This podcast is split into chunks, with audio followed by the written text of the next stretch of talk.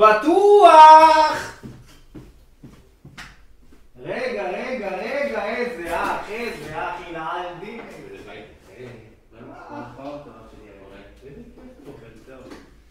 מה הבאסה, אחי, שאני צריך לראות איך אתה נכנס שם.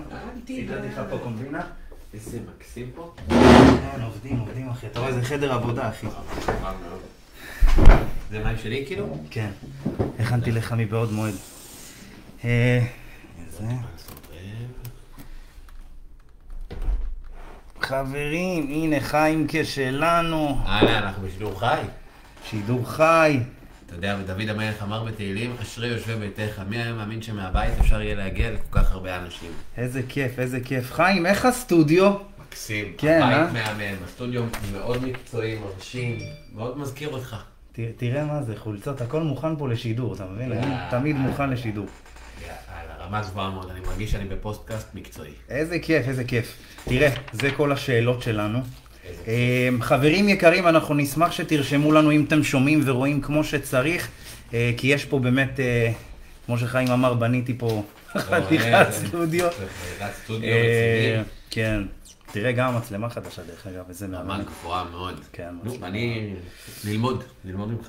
זהו חברים, אני, אנחנו נשמח שתרשמו למטה שאתם שומעים ורואים כמו שצריך, אה, שככה נתחיל וניתן בראש. שימו לב כמה חיים הוא יזם בנפש, כן? אני ניסיתי לעצור אותו, בוא נתקן. לא, אני עכשיו מגיע. חיים גר ברמת גן, אה, רבע שעה, עשרים דקות ממני, אז זה יצא מצוין. אה, נכון. אז תרשמו חברים אה, שאתם שומעים ורואים כמו שצריך, ואנחנו נתחיל. אה, זהו. אז בואו רק נעשה, יש לי רעיון, אני כבר אוסיף כמה אנשים. בטח, בטח, בטח, אה, כמה, שיותר. כן, אני כבר שומעים ורואים, אה. יהודית אה, כותבת. בואו נראה מי עוד פה. שומעים ורואים, נשמע ונראה טוב, מצוין. חברים, אנחנו נשמח, אתם רואים כמה אנחנו עובדים קשה עבורכם.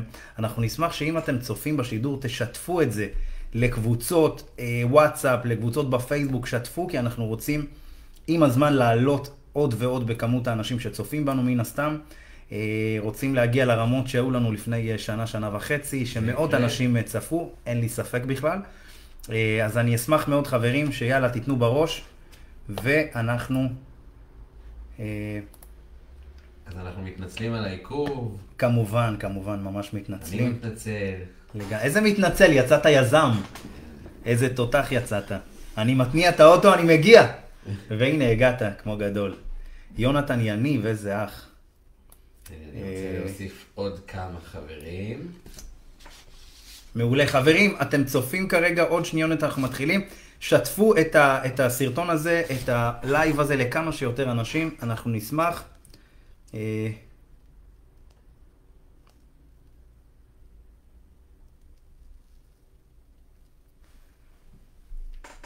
הנה, בינתיים. אז זהו, יש אנחנו- כבר תוספת של אנשים, זה כבר קורה. כן, כן, כן, זה כבר קורה.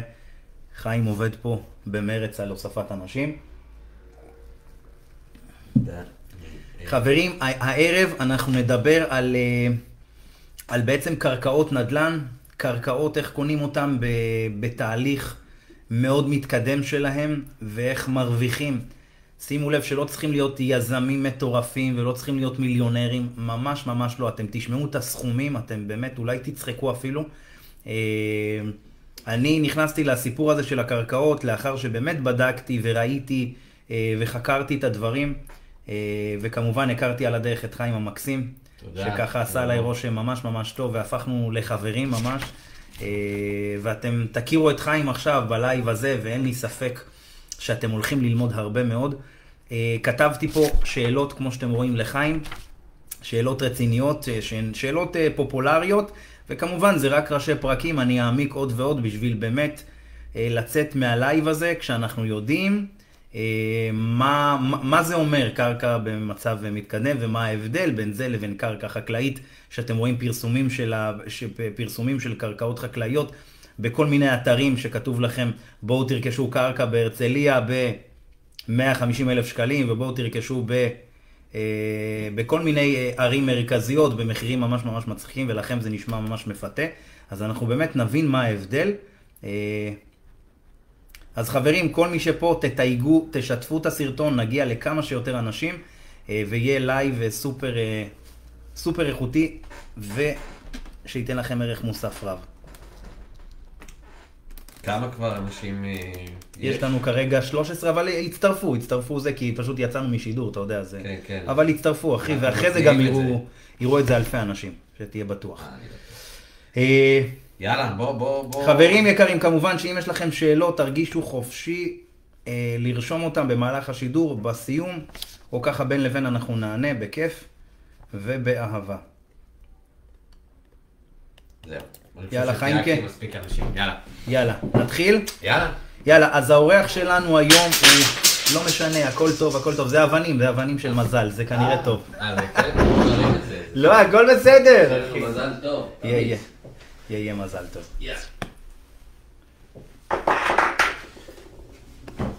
אה, טוב, אז האורח שלנו היום, אה, חיים בר-טוב, הוא יזם ועורך דין וכמובן משקיע בנדל"ן, שעל זה בעיקר נדבר, לא נדבר על התחום המשפטי שחיים מתמחה בו.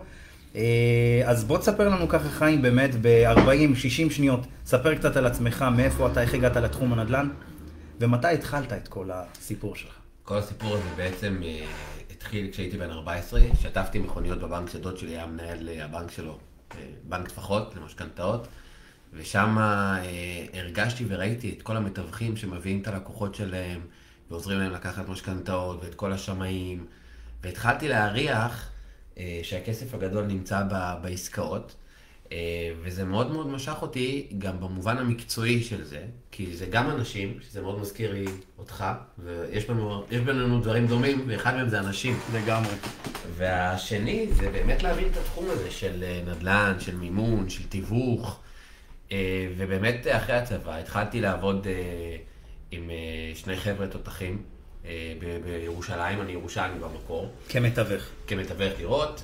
אה, אז היה הרבה יותר קל, אתה יודע, לקבל מימונים גבוהים על דירה שנייה, שלישית, רביעית, והייתי מתחיל לאסוף דירות. אז בגיל 21 וחצי, הדירה הראשונה שקניתי הייתה ברחוב רבי חיסדא 2, במושבה יוונית בירושלים, דירה של 32 מטר, ומשם כל כמה עסקאות שהייתי עושה בתור מתווך, את כל הכסף הייתי שם וקונה דירה עם משכנתה מאוד גבוהה, וככה התחלתי לאסוף, וברוך השם, אחרי 4-5 שנים כבר אה, צברתי.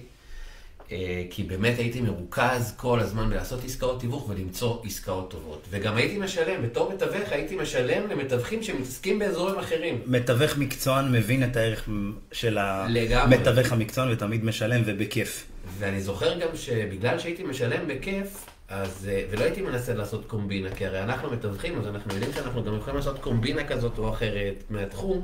לגמרי. אז בגלל שהייתי אה, אוהב לשלם, אז את כל המציאות הטובות היו יודעים שבכיף אני אה, אקנה ואשלם להם 3-4 אחוז תיווך. אה, אגב, שזה מה שאנחנו עושים היום במגרשים, אנחנו משלמים לעורכי דין ולמתווכים שמביאים לנו עסקאות טובות, סכומים מאוד מאוד מאוד גבוהים, ולכן הסחורות הטובות, גם אתה יודע בתור מתווך, חד וחלק. תמיד איכשהו אצלנו, המתווכים, עורכי הדין, השמאים, זה מין איזה משהו כזה שאנחנו יודעים להגיד מה טוב ומה לא. המינגלינג המקצועי הזה, זה. משהו שהוא... אה, בגיל 24 וחצי, 5, התחלתי ללמוד משפטים, אה, התמחיתי בדיני תכנון ובנייה, אה, הבנתי איך הגדולים כמו רמי לוי, כמו סימו טובול, עושים כסף מקרקעות, ואמרתי, אני לא מתכוון לתת רק שירותים לאחרים, אלא אני מתכוון לעשות את זה בעצמי. אה, ו- ו- וזהו, וזה מה ש... וככה זה התחיל. התחלתי. עם החברים, המשפחה, והיום זה מעל 1,200 לקוחות. איזה יופי, איזה, איזה כיף לשמוע. עכשיו, התחלת בעצם בתיווך, כמה זמן עבדת בתיווך וכמה זמן אתה מתמחה בקרקעות? אני עד היום מתווך. זאת אומרת, אה, יש לי משרד תיווך עם אה, הרבה מאוד, אה, פעילות. מה שנקרא פעילות. דניאל שבתאי, בחור בן 23 וחצי, הוא מנהל המשרד. אה, יש לנו אה, חמישה סוכנים פעילים, וגם אני היום עושה עסקאות תיווך. זה מקצוע שאני אוהב אותו. לפעמים יש לקוחות שמבקשים שרק אני אעשה להם את העסקאות, לקוחות עבר ואני עושה את זה. נכון שזה לא כמו, אה, רחוק מאוד מלהיות כמו שעבדתי אז, אבל מתווך בשבילי זה בכלל לא מילת גנאי, להפך, זה מקצוע מדהים שאני מאוד אוהב אותו. לגבי קרקעות משנת 2000, תראה, 99% מהעיסוקים זה, זה, זה תיווך בתכלס. גם שופרסל מתווכת לנו את החלב של טרה או, או תנובה. שאלה. באמת איך אתה מסתכל, זה בארץ, כשאתה אומר מתווך, בדרך כלל מקשרים את זה למתווך דירות. אבל אה, תיווך זה מקצוע מאוד רחב. לגמרי, ג'ף לגמרי. בסוס עושה את זה כל כך טוב, שווה היום כל כך הרבה כסף, אז... לגמרי, ומה מה- מה זה? בכלל. מה זה- מה זה קבלן? הוא בעצמו בונה? לא, הוא לוקח חברת ביצוע, או- והוא- נכון. והכל זה התיווך הזה. הקומיסיון הזה. לגמרי, לגמרי. ובקרקעות אני 11 שנה, זה מה שאמרתי. 11 שנה, אה, זאת אומרת חברת פרופרטים קיימת אה, 11 שנים. כן, בהתחלה לא התחלנו כפרופרטים, התחלנו בתור SDB, שליסל ברטוב. אה, אייל ואני עוד היינו רק סטאג'רים במשפטים, עוד לא היינו עורכי דין. עוד מעט 12 שנה, ב-2009. אנחנו כבר מחר 2021, מי היה מאמין? מטורף. הזמן עף, אה? אה, בינתיים על הדרך אני מרצה באוניברסיטת תל אביב לדיני תכנון ובנייה, ליזמות, להשבחת קרקעות.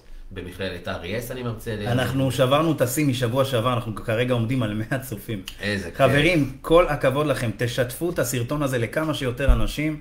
רוצים להגיע פה ל- לפחות כמה מאות. יאללה. וחיים, איזה כיף, כנראה אתה באמת אה, סופר מעניין את הצופים. חברים, לשתף את זה, וואטסאפים, פייסבוק, אז איזה כיף ששברנו את השיא משבוע שעבר, עמדנו על 70. הרבה מאוד תיוגים, איזה כיף חברים. יפית פה אה, אה, נותנת בראש, כל הכבוד יפית, את משלנו. אשתי האהובה והיקרה. כן, והמפרגנת והתומכת. הנה, תראה, בזכותה אתה כרגע על... אה, על הר גבוה, הגעת לאייפל. זכיתי, זכיתי, מצא אישה, מצא טוב. לגמרי. אה, במה לדעתך, אה, במה לדעתך אתם שונים מחברות אחרות? מה, מה מייחד אתכם? אני חושב שבראש ובראשונה, אה, אנחנו בעיקר שותפים עם הלקוחות שלנו. זאת אומרת, שום עסקה, אנחנו לא המשווקים שלה, אלא אנחנו הבעלים של העסקה. כלומר, לקחנו מגרש של אה, 200 יחידות הבעיות, ותכף נדבר על זה, אתה כבר מבין, אבל 200 יחידות, קרוב ל-40-50 יחידות הבעיות זה שלנו. שלי, של השותפים, של אייל, של רן, של דודי, לא משנה, של קובי. אה, זאת, זאת אומרת שבעצם ככה שהמשקיע הממוצע יבין, זאת אומרת שכל עסקה, כל עוגה, אתם בעצם נתחים מסוימים מתוך העוגה הזאת שלכם, גדולים, על בוודאי. מנת שבעצם גם לתת ביטחון לאותם יזמים, לאותם משקיעים שנכנסים, וגם בשביל להרוויח, כי תכלס אתם. פה בשביל לעשות את הכסף. בוודאי, הכסף הגדול הוא בעצם באקזיטים, או בהמשך... אז, אז אפשר. להבין מזה, דרך אגב, שיש לכם אינטרס משמעותי. מאוד. לקדם את זה, כי יש מאוד. לכם פה בעצם נתח. לגמרי, ואם הייתי יכול לקחת, תמיד שואלים אותי, אז למה אם זה כל כך עסקה טובה, למה אתה לא לוקח הכל? העסקאות הן 30, 40, 50 מיליון שקל, ואין לנו הון עצמי לקחת את כל הדבר הזה, ומשכנתאות, כמו שאתה יודע, אפשר לקבל רק על קרקע עם היתר. נכון. הרי גם קבלנים לפני היתר מוכרים בפריסל ב-12, 14, 15 אחוז פחות. נכון. אז קרקעות כאלה, אה, אנחנו לא יכולים לקבל עליהן אה, מימון, ובעצם המימון שלנו זה מהמשקיעים, ורוב המשקיעים שלנו זה החברים והמשפחה והחברים של החברים. זה נטוורקינג מאוד מאוד גדולה, אה, ואני חושב שגם השירות זה משהו שהוא מאוד מאוד מאוד יקר ערך לנו. אנחנו ביחסים אישיים עם כל אחד מהלקוחות כמעט, ולכולם יש את הניידים שלנו, ולכולם יש... עוד לא היה מישהו שרצה לצאת באמצע עסקה ולא יצא, ולא הבאנו לו מחליף. אנחנו נגיע לזה, לעניין הזה. אז הבנו שהשוני... ועוד דבר אחד קטן, זה שהעסקאות שלנו הן עסקאות אמיתיות. אנחנו לא קונים סחורה שהיא סחורה, מה שנקרא קרקע שהיא חלום. אנחנו לא מוכרים חלומות, אנחנו מוכרים סחורה אמיתית. אנחנו נגיע לזה יותר לעומק. קרקעות אז הבנו שמה. שמייחד אתכם כרגע כח- כחברה, זה, זה, אני חושב שזה אחד הכי, הדברים הכי חשובים, זה בעצם להיכנס עם משקיעים ולתת להם את הביטחון. אני מאמין מאוד, לדוגמה, בעסקאות שאנחנו מלווים בחו"ל. כשאתה מלווה עסקה בחו"ל, זה לא ישראל. אה, אז תקנה איזה דירה ככה, זאת אומרת, החברה המשווקת, אם היא קונה דירה שתיים, אתה, אתה מרגיש שאתה סומך. אני יכול להגיד ש... אה, זאת אומרת, יש איזה מתווך שמלווה אותנו בעסקה מסוימת בחו"ל, והוא פשוט רוכש, אה, זאת אומרת, איתך את העסקה. הוא אומר לך 20% שלי, ככה שאתה מרגיש בטוח. 20%, 30%, מה שאתה תחליט. אה, וזה נותן לך הרבה מאוד ביטחון בעסקה.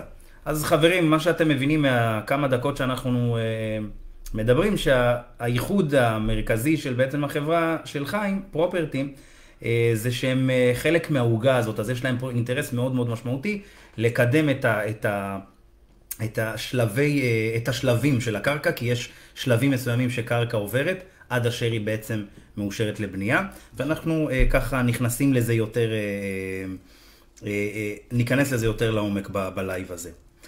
אה, עכשיו, לפני שאנחנו צוללים להיבטים העמוקים של ההשקעה בסכומים אה, נמוכים יחסית בקרקעות, בואו באמת נבין קודם מה זה. אז בואו נתחיל עם שאלות על קרקעות. תן לנו רקע קצר על מצב הקרקעות בארץ, בבעלות של מי רוב הקרקעות בארץ. יפה. אז uh, רוב האנשים לא יודעים ש-93% מהקרקעות בין אה, אה, במדינת ישראל זה קרקעות של מינהל מקרקעי ישראל, של רמ"י, של ממ"י, מינהל מקרקעי ישראל.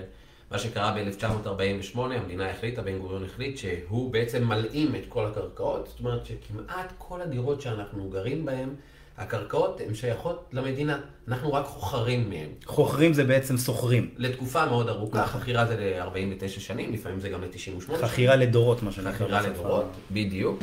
ואנחנו לא עובדים עם ה-93% האלה. כלל ראשון, אנחנו לא עובדים בקרקעות שהן קרקעות לא בטאבו פרטי. מה זה קרקעות בטאבו פרטי? קרקעות בטאבו פרטי זה בדרך כלל אנשים שהגיעו לכאן לפני קום המדינה, ורכשו, הם לא ידעו מה לעשות עם הכסף. לא ידעו אם הלירה הטורקית תישאר, הלירה האנגלית תישאר, השקל, הלירה הישראלית. אז הם קנו קרקעות. הקרקעות האלה כבר אי אפשר אותם להלאים, כי הן היו רשומות כבר בעות'מאן. בטאבו הטורקי, הן היו רשומות. אז אם לצורך העניין בן קנה קרקע כזאת, היא לעולם תהיה קרקע שלו. ומה היתרון בדבר הזה? שקרקע בטאבו פרטי, לא ניתן להחזיר אותה, את הערך שלה לפי ערך חקלאי. למה? כי בנאמר, נאמר שבקיבוצים, קיבוץ רמת רחל, אה, קיבוץ בית השיטה, הגיעו לכאן אנשים וקיבלו קרקעות. אוקיי, בבית חנן וכן הלאה, בכל מיני מושבים, קיבלו קרקעות. עכשיו, פתאום הקרקעות האלה, מקרקעות חקלאיות, פתאום בנ- ניתן לבנות עליהן. הם עברו איזשהו תהליך סטטוטורי מסוים, ואז פתאום אותם... מה זה אומר סטטוטורי שככה אנשים החברים שקיבלו יבינו? זכויות בנייה, הפקעות, הפכו להיות מקרקע חקלאית בדרך הפשרתית לקרקע שניתן לבנות עליה. ואז אנשים, קיבוצים, אנשים, חברי קיבוץ, התעשרו במיליונים. עכשיו, אתה הגעת למעברה, אבא שלי הגיע למעברה, ואחד אחר הגיע לקיבוץ, שפתאום הקרקע אחרי 30-40 שנה נהייתה אה, קרקע רוויית בנייה.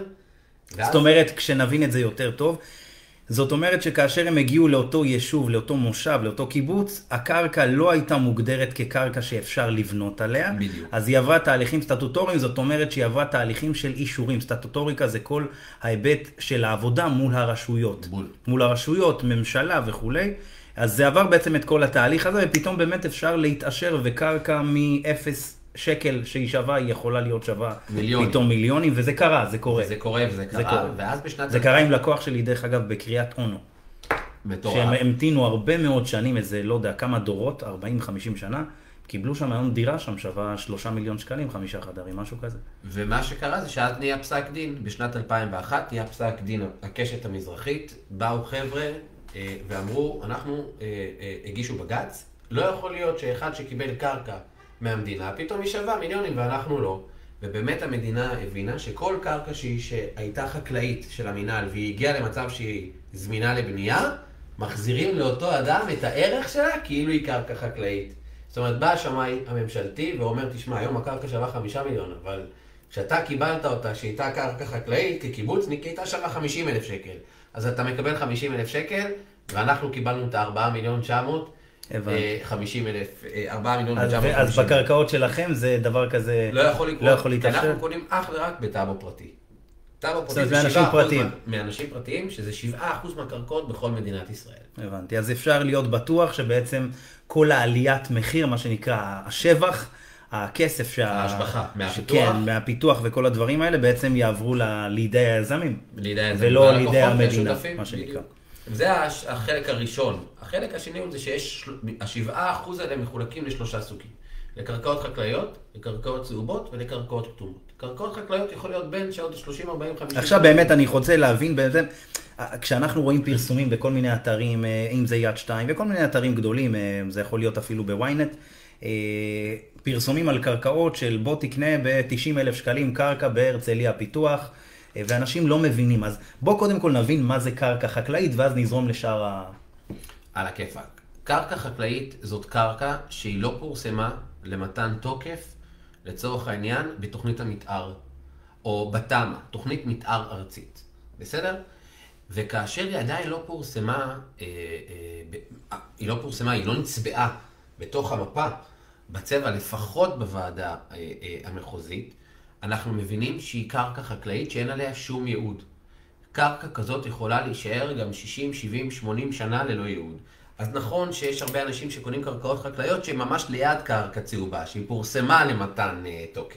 אז זאת אומרת אז ש... יכול להיות שבקרוב מאוד כן, ירחיבו את אז, אז, השכונה. אז, אז בעצם אני- אם אני מבין נכון שהסטטוס של הקרקע הוא כל כך התחלתי עד לא קיים, בדיוק. שהמחיר הוא מאוד מאוד נמוך. נכון. זאת אומרת אנחנו קונים סוג של אה, חלום מסוים. ממש. זאת אומרת, יכול להיות אולי, ב, אולי עוד אה, 200 שנה שיקרה משהו. סבא שלי, זכרו לברכה, ש... אז זה, רגע, אז זה קרקע חקלאית. נכון. נכון? אז כשאתם רואים פרסומים בדרך כלל של מחירים מאוד מאוד זולים, מדובר פה בקרקע נכון. חקלאית וצריך לבדוק את זה. נכון. עכשיו, אה, איך אנחנו יכולים לדעת? אה, חברת אדמה שעשתה לצערי הרב הרבה, אני לא רוצה להגיד מה בסיפור הזה, והבעלים שלה אה, אה, הוכרז כפושט רגל ונכנס לכלא, הם מכרו קרקעות חקלאיות ב- במצב, ב- ב- לצורך העניין, כשהם תיארו אותן כקרקעות שהן כבר אוטוטו זמינות לבנייה.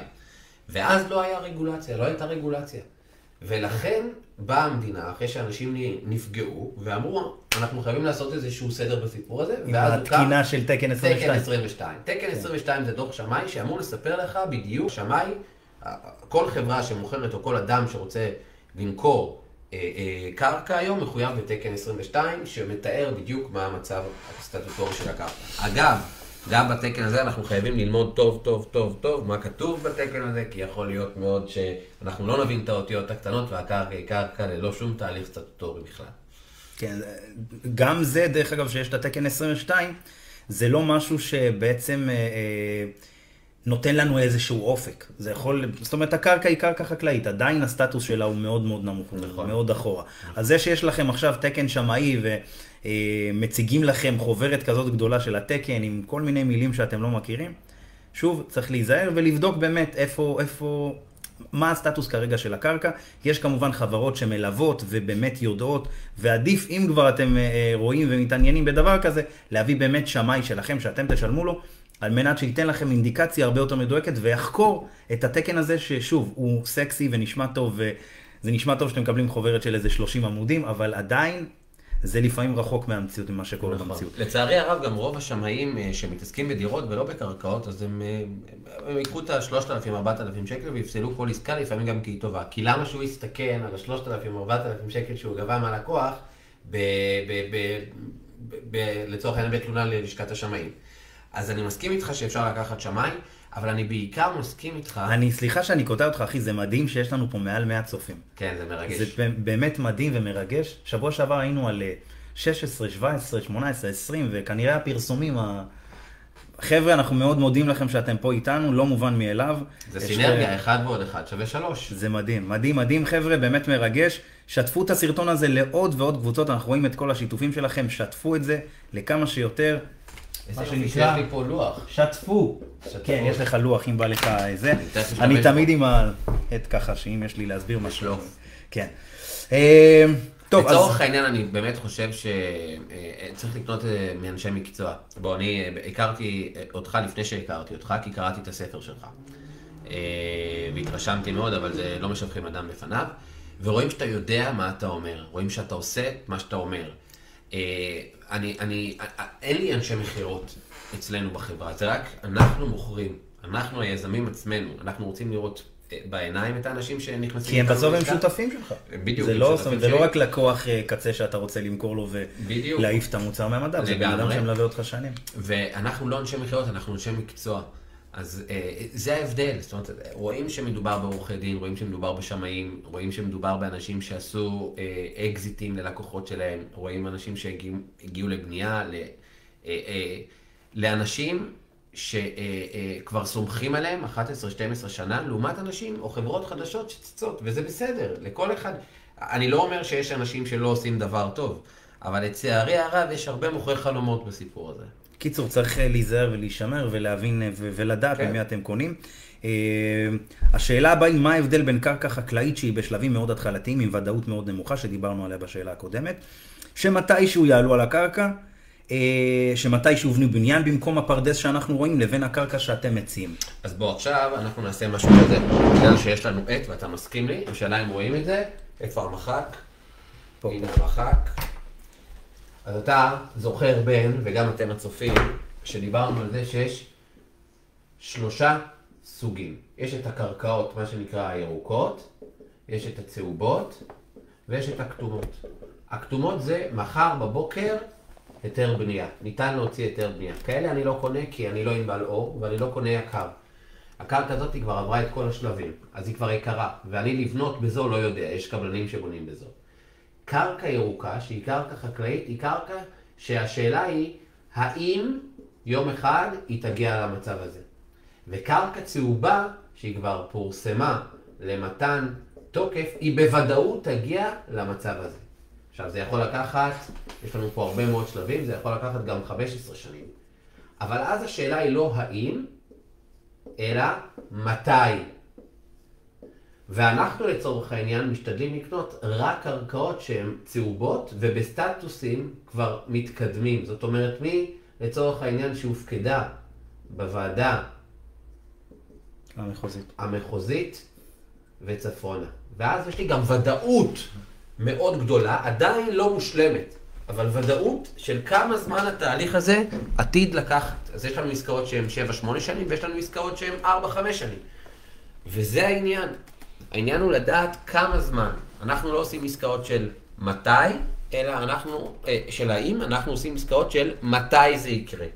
ולמצוא מסה של קרקעות כאלה, זה במחיר הגון, לדעת מה השלבים העתידים שאנחנו אמורים לחצות, היטלים, היטלי פיתוח, היטלי השבחה וכן הלאה, ולהגיע לנקודה הזאת, ואז או למכור, או להמשיך לבנייה. אז אנחנו מבינים בעצם שאתם קונים את הקרקע בשלב מתקדם שלה, שהוא בשלב הצהוב. אנחנו קונים אך ורק בק- בשלב הצהוב, ואנחנו גם קונים בשלבים המתקדמים. יש לנו עסקאות שהן פה, יש לנו עסקאות שהן פה, ויש לנו עסקאות שהן פה. מעט מאוד עשינו עסקאות שהן היו ממש צהובות התחלתיות, אבל זה היה כשקנינו כמעט את כל המתחם. ואז כשאתה קונה את כל המתחם, אתה בעצם היזם הבלעדי מול הרשות המקומית ומול הוועדה המחוזית. כשאתה עושה כזה יש דבר... לך יותר שליטה בעצם. יש לך. שליטה מלאה, הם נותנים לך מה שנקרא יד אה, חופשית ביחד איתם, לרוץ קדימה. אז אה, כל מה. שקשור, בקיצור, חבר'ה בקרקע, אם מסכמים את הדבר הזה שדיברנו עליו עכשיו, פשוט יש שלבים מסוימים, יש את השלב שהוא אה, אה, קרקע חקלאית, בדרך כלל פרסומים שאתם רואים במחירים מאוד זולים, קרקע, אה, בואו תבנה בית אה, זה ב-90 אלף שקלים או כל מיני כאלה, מדובר בקרקע חקלאית בשלבים ההתחלתיים מאוד שלה, והחברה של חיים, ומה שאנחנו עושים יחד עם אה, חיים, זה בעצם לקנות את ה... את הקרקע בשלבים יותר מתקדמים שלה, ב- בסטטוסים שאפשר לעבוד איתם ויש להם ודאות והיתכנות גבוהה יותר. ודאות מוחלטת, היתכנות לכמה זמן, אנחנו יודעים, קרוסו מודו, לפעמים זה לוקח לנו שנה יותר, שנה פחות. כמה בערך? הוודאות היא זה. זאת אומרת, אתם קונים, אנחנו, אני נכנס איתך כמשקיע, קניתי קרקע תוך כמה זמן, מאז שקניתי את הקרקע, יש משהו, יש, אה, זאת אומרת, אפשר לבנות, יש לי אישורים מהעירייה לבנות, מהרשות המקומית. אנחנו יכולים, לה, אני יכול להראות לך עכשיו עסקאות שאנחנו עכשיו אה, עשינו, שהן על הים באולגה. אה, אגב, גם בנינו שם כבר בניינים, שזה מהיום ייקח 6-7 שנים. יש חברות שאומרות 4 שנים, אבל אני אומר 6-7 שנים. יש לנו עסקאות, כמו נאמר באנרג'י פארק, שזה 4 שנים בערך. יש לנו אה, עסקאות לצורך העניין בשכונת הפארק, שזה 3-4 שנים. יש לנו עסקאות שעוד... רגע, בוא, בוא תגיד איפה, לאנשים שלא יודעים איפה זה אנרג'י פארק ואיפה זה שכונת הפארק. אז אנחנו באופן כללי עובדים בכל מקום שיש בו קרקעות פרטיות, אם זה בהוד השרון, ואם זה באשדוד, ואם זה בקריית ביאליק, ואם זה בחדרה, ואם זה באולגה, ואם זה ביבניאל. אותי, כמו שאתה יודע וכתבת בספר שלך, אני לא זוכר באיזה פרק, אין מקום רע. יש עסקה טובה ועסקה לא טובה. כי יכול להיות שגם בעזה יש עכשיו דירה שעולה 200 אלף. שעברה 400 אלף. אז זו עסקה טובה. לכסף אין ריח. לכסף אין ריח. וזה בדיוק מה שכתבת בספר, ואני מסכים איתך נכון, לגמרי. אבל אנחנו מתעסקים עכשיו לצורך העניין בעיקר על כביש החוף, אה, שזה בעצם אה, ממש שניים, שניים וחצי קילומטר מהים, באולגה, כביש החוף בין חדרה, בין, אה, בין תל אביב לחיפה, יש את אה, קניון מול החוף. ויליג', אה, שזה אה, מתחם שאנחנו מחזיקים בו קרוב ל-600 יחידות, מתחם מאוד מאוד גדול. עכשיו, קניתי בעצם יחידה מסוימת, במחיר מסוים, המתנתי בין 4 ל-6 שנים, מה, בכמה בערך, כמה אני ארוויח? נגיד, סתם נותן דוגמה, כן? בשביל שאנשים יבינו, השקעתי 100 אלף שקל. אוקיי. מה קורה עם הכסף, לדוגמה, באחוזים, מה קורה איתו עוד 5-6 שנים? תראה, בינתיים אנחנו, ה- האנשים שיצאו, מדברים על, אה, אנחנו מדברים על בין אה, 15, 14 וחצי אחוזים, לכיוון ה-28, 9 אחוזים שנתי. שזה מדהים. שזה סכומים מאוד מאוד יפים ביחס למדינת ישראל, כי אנחנו יודעים, גם אתה וגם אני, מה אפשר להרוויח מדירות היום.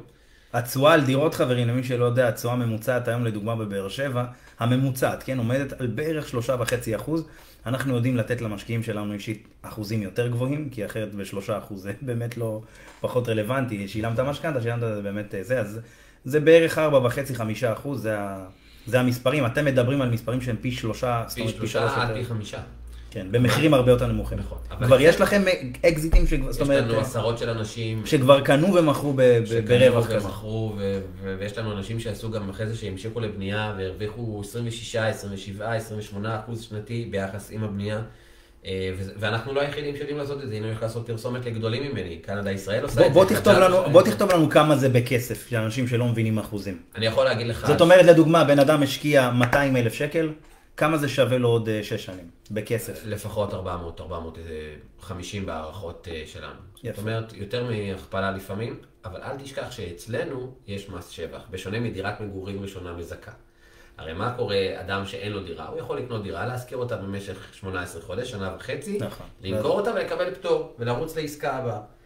בקרקעות אין את הדבר הזה. בקרקעות יש מיסים גם ברכישת המס רכישה של 6 אחוז. 6% ו-25% במס שבח. היתרון אצלנו שאנחנו יזמים, אז כל המסביב גם נכנס כהוצאה. אנחנו שוברים עוד פעם, טסים 114 אנשים. איזה כיף. עכשיו, כל העניין של המיסים, שאנשים אה, באמת יבינו, אה, מיסים על, אה, זאת אומרת, מס רכישה על דירה היום עומד על 5% מיולי האחרון, שבעצם נכון. שר האוצר כץ הוריד את התקנה של אה, כחלון משנת 2015, יולי 2015. שהבריחה הרבה מאוד משקיעים. הרבה מאוד בעיניי. משקיעים. כחלון העלה את זה מ-5% אז ל-8%. ומי שהעלה את זה עכשיו- ל-5% היה יאיר לפיד. בדיוק. אז עכשיו זה עלה בעצם, ל, אה, ירד. ירד ל-8%. לחמישה.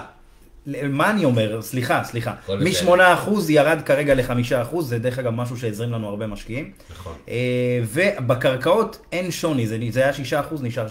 נכון, כרגע יש גם אה, משהו מאוד מאוד טוב בסיפור הזה, זה שגם אם יש לך דירה, וגם אם אין לך דירה, זה 6%. זאת אומרת, ואם אין לך דירה, ו- וקנית קרקע כזאתי, אתה עדיין יכול לרוץ למחיר למשתכן, או לקבל פטור ממס רכישה על דירת מגורים ראשונה מזכה. שזה יתרון גדול. בקרקע, כן. זה- בקרקע שהיא לא עדיין כתומה. זאת אומרת, בקרקע שהיא עדיין צהובה. בסדר? או אפילו ירוקה. שזה יתרון אצלה. משמעותי. שזה יתרון מאוד מאוד זאת אומרת שאם אתם קונים קרקע, חבר'ה, בואו נבין את ההשלכות. כשאנחנו בעצם קונים קרקע בשלבים היותר... אה, השלבים... ה- זאת אומרת בשלבי פיתוח עוד. כן, שאין את האישור תכלס לבנות, אז אה, בעצם זה לא מונע מאיתנו לקבל כל מיני זכויות שמגיעות לנו, זאת אומרת, במצב שלא היה לנו בכלל אה, נכסים. אני רואה שיש לנו גם זה- כמה שאלות פה, יש צופים ששואלים שאלות או שאני מדמיין? בואו נראה. נתקע, שאלות טובות ותשובות עוד יותר חזקות. אני רואה יופי של הסבר. איזה יופי. אה, מעולה חבר'ה. אתם יכולים חבר'ה לשאול באמת איזה שאלות שבא לכם, אז אה, אה, בכיף. אבל נראה פשוט, אתה יודע, אני חוזר גם על הדברים, אז אה, ככה... מעולה. אה, משתדל מאוד להיות ברור, כי שוב פעם, זה עולה גם ליוטיוב וכאלה, ככה לא יהיו להם אנשים שיענו להם בלייב, אז אני משתדל מאוד אה, להקיף את הדברים שאני יודע שיהיו בעייתיים לאחר, כאילו. שאלות לאחר מכן. אה, טוב, אה, מה, אה, אה, זאת שאלה מעניינת, איך אני מגן על עצמי בעסקאות מהסוג הזה? יש לי ביטחון כלשהו? האם יש חברות ביטוח שמבטחות עסקאות מסוג כזה? אה, בנקים שמלווים אולי כמו מה שאנחנו מכירים מדירות קבלן רגילות? מי שמכיר את כל הנושא הזה של אה, ערבות חוק מכר, אה, בגלל שיטת השוברים גם של חפציבה, מבין ש... רגע, חברים, סליחה שאני, זה פשוט שיבינו. חפציבה, חבר'ה, זו חברה שהייתה קיימת אז, חברה יזמית, פשטה את הרגל בשנת 2007-2006. ב-2008 יצא בעקבות זה, תיקנו בעצם את חוק המכר, בדיוק. שבעקבותיו הגיעו כל מיני חוקים מסוימים שבעצם באים להגן על הרוכשים. חלק מהחוקים זה בעצם שיטת השוברים שאומרת שלפני שאנחנו אה, מעבירים לקבלן כסף ישירות, הוא צריך לספק לנו שוברים כמו צ'קים כאלה, מין אה, ממש סוג של פנקס צ'קים, שדרכו אנחנו בעצם משלמים את הסכום שהוחלט, לא יודע, אה, כמה אלפי שקלים, בקיצור סוג של אה, זה, זה נקרא שיטת השוברים, ועל זה חיים דיבר. אתה יכול להמשיך. רגע, אז... סליחה על הקטיעה, לא, לא, אתה, זה בסדר גמור, אתה... חשוב שיבינו. ואני פשוט חושב שאתה... אנחנו משלימים אחד את השני חבל על הזמן, ואני רק רוצה רק שעוד איזה שהוא... אה, זהו. חיים אה, משתף פה עוד אנשים, איזה כיף. אני רוצה להגיע תראה כ- ל-130. כמה אנשים צופים בזה. חבר'ה, אתם כרגע צופים בסרטון, יפית, יישר כוח גדול. לשתף. לשתף לכל הקבוצות, חבר'ה, בוואטסאפים, פייסבוקים, רוצים לראות פה 150 איש ובואו נשבור את השיא של שבוע שעבר. יאללה, בכיף. ח- אתה כוכב, אחי. תודה. 113 זה לא מובן מאליו. תודה. זה אומר שהלייב הזה איכותי מאוד ונותן את ה- מה. שאנשים... אה, טוב, זה העבודה של כל החיים שלי, אתה יודע, כן. אני באמת אה, נגיד מאוד צעיר כמוך, אנחנו עושים את זה. אלוף, אלוף. אז זה השאלה, איך אני מגן על עצמי בעסקאות מהסוג אז הזה. בעסקה הזאת, בעסקאות שלנו זה הכי קל. כיוון שאתה מקבל בעלות מלאה על הקרקע, על שמך בטאבו. בדיוק כמו שאתה אה, אה, מקבל אה, טאבו על הדירה שאתה רוכש, או בעלות על הרכב שלך, אין פה לא עסקת שוברים ולא ערבות חוק מטר, כלום שלך בטאבו. ועד שלא נרשמת הערת אזהרה על שמך, אנחנו לא מעבירים בכלל כסף למוכרים. אנחנו הרי רוכשים את זה, בדרך כלל מיורשים, או מאנשים שאין להם כסף לשלם היטל השבחה. בדרך כלל זה יורשים, בדרך כלל. הרי מה קורה? בשלב הזה, כשאנחנו מגיעים עד למצב של אה, תוכנית מפורטת, פתאום יש איזשהו היטל השבחה מאוד גדול. או בכלל, בשלב הזה יש היטל השבחה מאוד גדול, ואין להם כסף, יש להם קרקע. אז הם צריכים למכור את הקרקע כדי לשלם את ההיטל השבחה. היטל השבחה, חברים, זה בעצם היטל שמועבר ל, לרשות המקומית על ההשבחה שנעשתה בקרקע. זאת אומרת שהרשות המקומית אומרת, הנכס שלך היה שווה 100 שקלים, אנחנו שמנו מנורות ותאורת רחוב והכל, הנכס שווה יותר, אז, כן, אז בוא תיתן לי... כבר, יש לנו זכויות בנייה, אז אנחנו רוצים לקבל כסף. אז בוא תיתן לי בעצם 50% על הרווח שלך. בדיוק.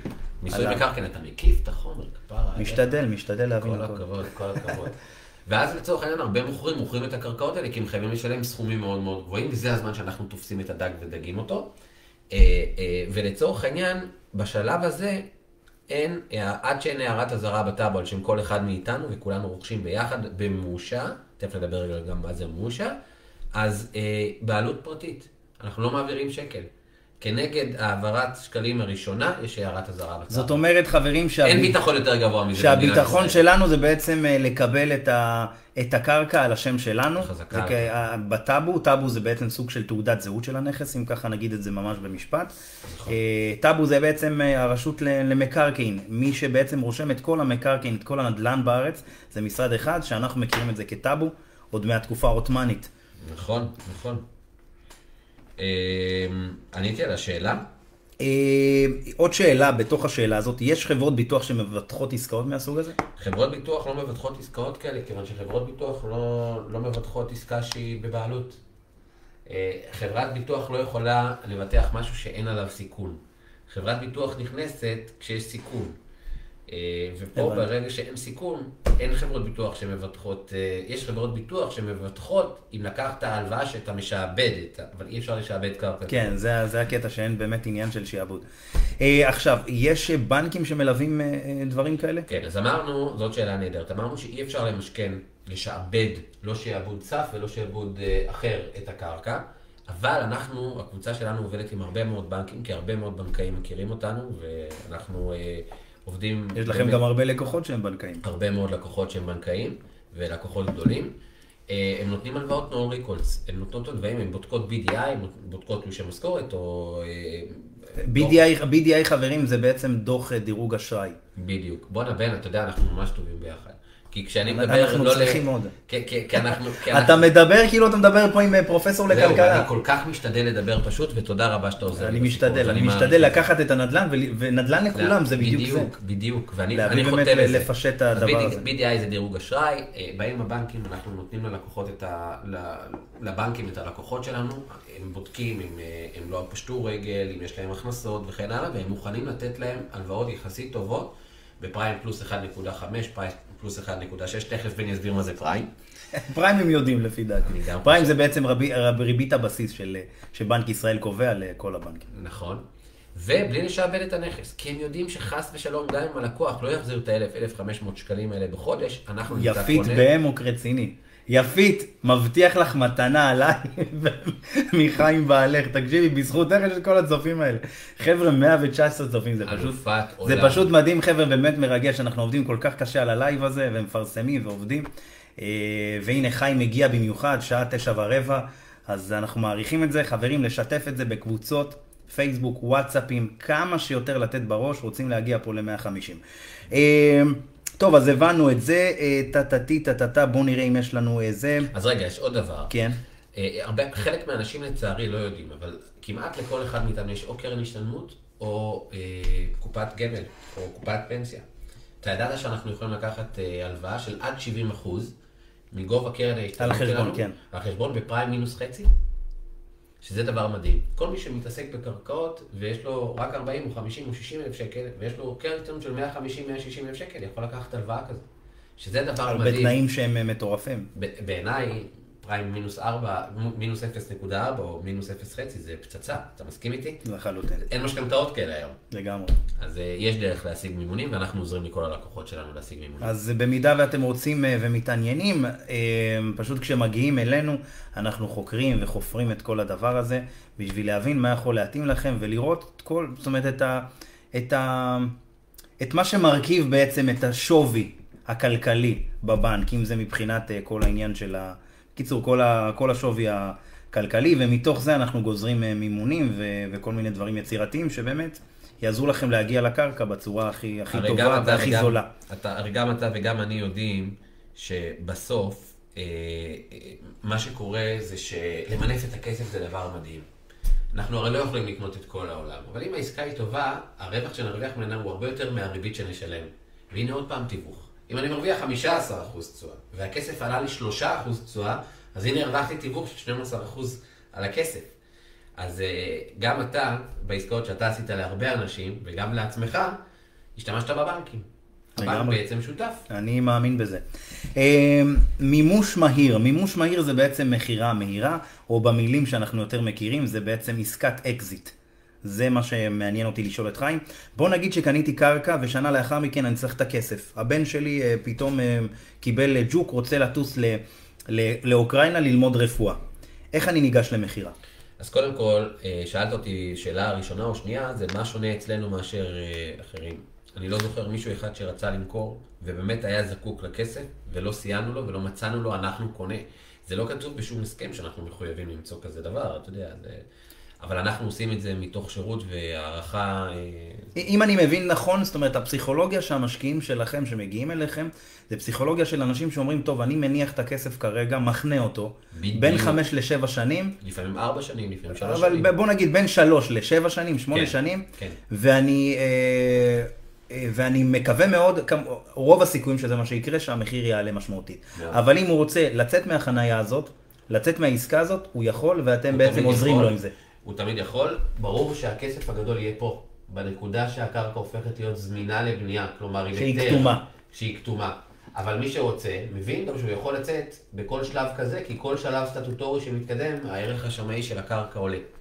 אני אף פעם אה, לא ממליץ למכור לפני האקזיט הגדול, אבל כל מי שרוצה, באמת יכול. אז אה, אם אתם אה, ככה הבנתם מבין השורות, חברים, במידה ויש לכם ככה קצת כסף בצד, לבוא בפסיכולוגיה כזאת של אנחנו לוקחים את הכסף הזה וסוגרים אותו בסוג של פק"ם, כמו שיש לנו פק"מים בבנק של חמש שנים או יותר. אתם סוגרים את הכסף הזה ובאמת הכסף משביח את עצמו והערך עולה, להבדיל מהבנק שהאחוזים פה, זאת אומרת בבנקים, משתעמם הכסף. הם ממש, כן, הם מאבדים מערכם, יודע- אתם יודעים, מונית היום עולה יקר יותר משהייתה לפני שלוש שנים. והשווארמה אצל שלמה, שהייתה עולה לפני שלוש שנים, 32 שקלים, עולה כבר 42. זאת אומרת, הכל כי הכל הערך מאוד של הכסף נשחק. נשחק, כן, יש פה אינפלציה ו- ויש פה בדיוק. אה, אה, מדד מחירים לצרכן שמתעדכן כל 15 ואין מה לעשות, אנחנו, הכלכלה תמיד בגרף עולה, זאת אומרת, אם הכלכלה נשארת, ב, זאת אומרת, יציבה או אפילו קצת יורדת, זה כבר מדובר על מיתון ואף אחד לא רוצה מיתון. כל העולם רוצה לדחוף קדימה את הכלכלה. אמרת ולהתקדם. אינפלציה, אתה רוצה להסביר בכמה מילים מה זה אינפלציה? אינפלציה זה בעצם, אני אתן לך להסביר. אוקיי, ב- אינפלציה. אחלה. בן הסביר את זה נורא נורא יפה ביחס לשווארמה, אבל בואו רגע נבין את זה, אני תמיד מסביר לסטודנטים שלי. 100 אלף שקלים לפני עשור, היה להם כוח קנייה הרבה יותר גדול מ-100 אלף. שקלים היום. זאת אומרת שב-2010, אם היה לך אה, 100 אלף שקלים, תקן אותי אם אני טועה, יכולת לקנות דירה בבאר שבע. יכולת לקנות דירה בבאר שבע, נכון? חד וחלק. היום, עם 100 אלף שקלים אתה לא קונה חדר בבאר שבע. אני צודק? מחסן גם. מחסן אתה לא קונה. אולי מחסן של אה, כתר, אתה יודע. מחסן של כתר פלסטיק יכול להיות שכן. ולמה זה קרה? זה קרה כי בנק ישראל מדפיס עוד כספים, כי יש שחיקה של הכסף.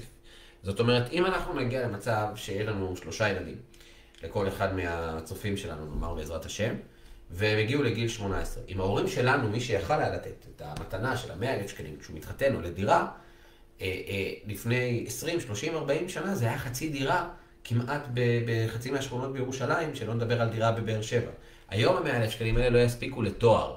אולי באיזה מכללה. לגמרי. ואני לא מזלזל באף מכללה, ואני מרצה במכללות ובאוניברסיטות, כן, אבל כן, אני לא... תואר כל כך- היום אה, עולה ל-30 אלף שקל לשנה בערך במכללה נורמלית. ו-. אם זה אה, אונו או הבינתחומי זה בין 30 ל-40, זה המחירים. או המכללה למינהל. 100 אלף שקל. אז, אז מה שאני בא לומר זה שכשאנחנו מחזיקים את הכסף מהוון בקרקע או בדירה, הערך של, ה, של הכסף נשמר לפי הנדל"ן, לפי מדד הנדל"ן במדינת ישראל. מהוון חבר'ה זה אומר שהמחירים, זאת אומרת, ה- ה- זה המחיר הריאלי של נכון להיום. בדיוק. ולכן, אה, אגב, אנחנו רואים מה קורה, הדולר נורא מתחזק, אה, נורא נחלש. נחלש, כן. הוא נחלש נורא, ובנק ישראל עוד קונה דולרים. כי הוא עדיין מאמין. ב- והוא עדיין מאמין, ועדיין אנחנו רואים שהשקל מתחזק, ועם כל זה שהשקל מתחזק, עדיין יש שחיקה של הכסף. זאת אומרת שמי שמבין מה שאמרתי, בלי להיות רגע כלכלן ובלי שום דבר, מבין שברור לגמרי שמאה אלף שקלים עוד עשר שנים, אה, באמת יהיו, יהיה ניתן לעשות איתן מעט מאוד דברים ביחס לעולם הנדל"ן. אז זה בדיוק, זה, זה בדיוק העניין, חבר'ה. אם לפני 40 שנה דירות באמת עלו, באמת, במחירים כל כך נמוכים. אבן גביר על 40 אלף דולר. תראה איזה 30 אלף מטורף. תבין שיש לי לקוחות או משקיעים שאמרו לי שפשוט, אז כשהם קנו לפני 10 או 12, 13, 13 שנים בבאר שבע, הם היו מגיעים, מוכרים אוטו, קונים בית. זה מטורף. יש לי לקוחות שמכרתי להם בשנה שעברה את הנכס, הם קנו את הנכס ב-32 אלף שקלים. מטורף. אני. מכרתי להם את הנכס בזה ב-500, 530 אלף שקל. זה, זה, זה- זה, זה דברים באמת, ש... אה, את, אני תמיד באמת גם אומר, מדהים. אנחנו יכולים לעבוד קשה כולנו. קשה, קשה, קשה, קשה, קשה, קשה, קשה, קשה. מספיק עסקה אחת, שתיים, שלוש טובות, ואתה יכול לעשות מה שלא עשית ב-30 שנה. של עבודה. חבר'ה, תדמיינו, כמו שאמרתי בלייב שעבר, ואני אחזור על זה כל הזמן בשביל שבאמת זה יוטמע, ו... ותזכרו את זה כ... כ... כ... כ... כמשפט שלי. תנסו לדמיין מציאות שבה ההורים שלכם מתקשרים אליכם, אומרים לכם, דוד או רחל, חמודים שלי, יש לנו נכס בבאר שבע ששווה מיליון שקלים, רכשנו אותו לפני 20 שנה. והיום הוא שווה 2 מיליון שקלים.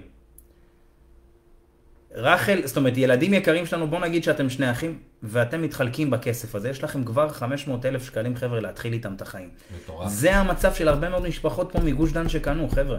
נכון. זאת אומרת, אנשים שקנו נכסים באזורים של אה, כיכר מלכי ישראל, שם זה כיכר רבין, בכל האזורים האלה, נכסים שם שווים סביב השלושה מיליון שקלים, דירת שלושה חדרים. זה, זה, ההורים קנו לפני 20-30 שנה, במחירים כלום. היום הילדים שלהם יכולים לגור באזורים הרבה יותר מבוקשים ויותר טובים ויותר איכותיים, ולהעניק חינוך יותר טוב לילדים שלהם, אה, ולהתקדם בחיים. אה, מהמקום הזה שבאמת הם פתחו את הראש וקנו אה, נדל"ן להשקעה. אז פשוט אל תיתנו לכסף שלכם להישחק בקיצור, חבר'ה. ממש זה לא. משנה אם זה קרקע או משהו, פשוט דירה. תעשו את התהליך הזה.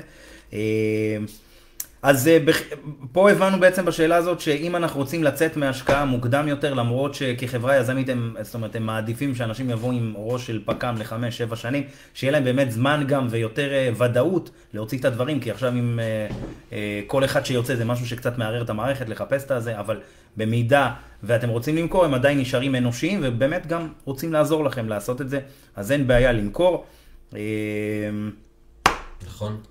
בן, אני גם רוצה לשאול. אותך איזה שאלות אחרי זה, כמה שאלות. בכיף, בכיף, אני נותן לך, אחרי שאני שואל אותך, אתה שואל אותי. יאללה.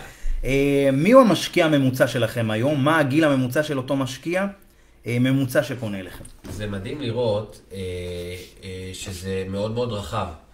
אה, הרבה פעמים גם ניגשים אליי אנשים בני 70, 80, ואני אומר להם, חבר'ה, חבל, זה בשביל הילדים שלך, אתה לא תהנה מזה, הוא אומר לי, נכון, אבל אני עדיין רוצה את זה. רוב המשקיעים שלנו הם בני ה-22, 3 עד גילאי 50. וואו. 5. הרבה לצערי הרב יש הרבה גרושים, ואז פתאום הוא לא יכול לקנות עם חצי מהכסף שנשאר לו. אז הוא אה, מעדיף להשקיע. דירה, אז הוא מעדיף להשקיע. הרבה מאוד חיילים משוחררים, אה, או קצינים משוחררים, ראיתי את זה מאוד מאוד, אה, זאת אומרת, החיילים משוחררים, חבל על הזמן. חזק על הקרקע. ואני בעיקר, אתה יודע, מהעדה האתיופית, יש לי כל כך הרבה, ואני מה זה גאה בהם. מדהים, מדהים. אני מת עליהם. האמת, אני יכול להגיד לך אם גיא מקרו רואה אותי עכשיו, אני יכול להגיד לך, ועל כל החברים. אני, יכול להגיד לך שהשינוי באמת שחל בכל מה שקשור באמת בקהילה המדהימה הזאת, מדהימה שלי שאני גאה להיות אה, חלק ממנה, זה באמת, אה, וואו, זה פשוט מדהים. אני תמיד אומר את זה, חבר'ה, ב-30 שנה מה ש...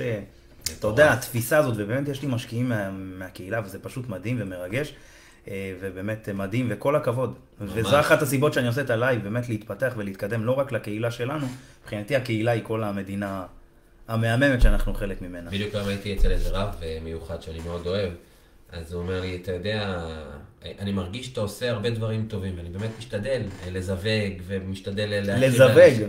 לזווג זיווגים, גם אשתי. חיים המזווג. אה, כבר יש, אה, יש כמה וכמה. באמת? דיברת? אז, הוא אומר לי שבאמת אנחנו יהודים, אנחנו באמת ערבים זה לזה, אז אני באמת מאמין בזה, הקהילה, אנחנו באמת, יהודי זה לא סתם, זה אתה, אני, בלי שאני רוצה, או אם אני רוצה, סיפרת לי גם את. הסיפור המרגש אה, של אבא שלך עם זה, באמת מאוד מאוד מרגש. אתה יודע, אני אתייג את אבא שלי עכשיו. אבל עדיף לא זה, לא, לא ניכנס לזה.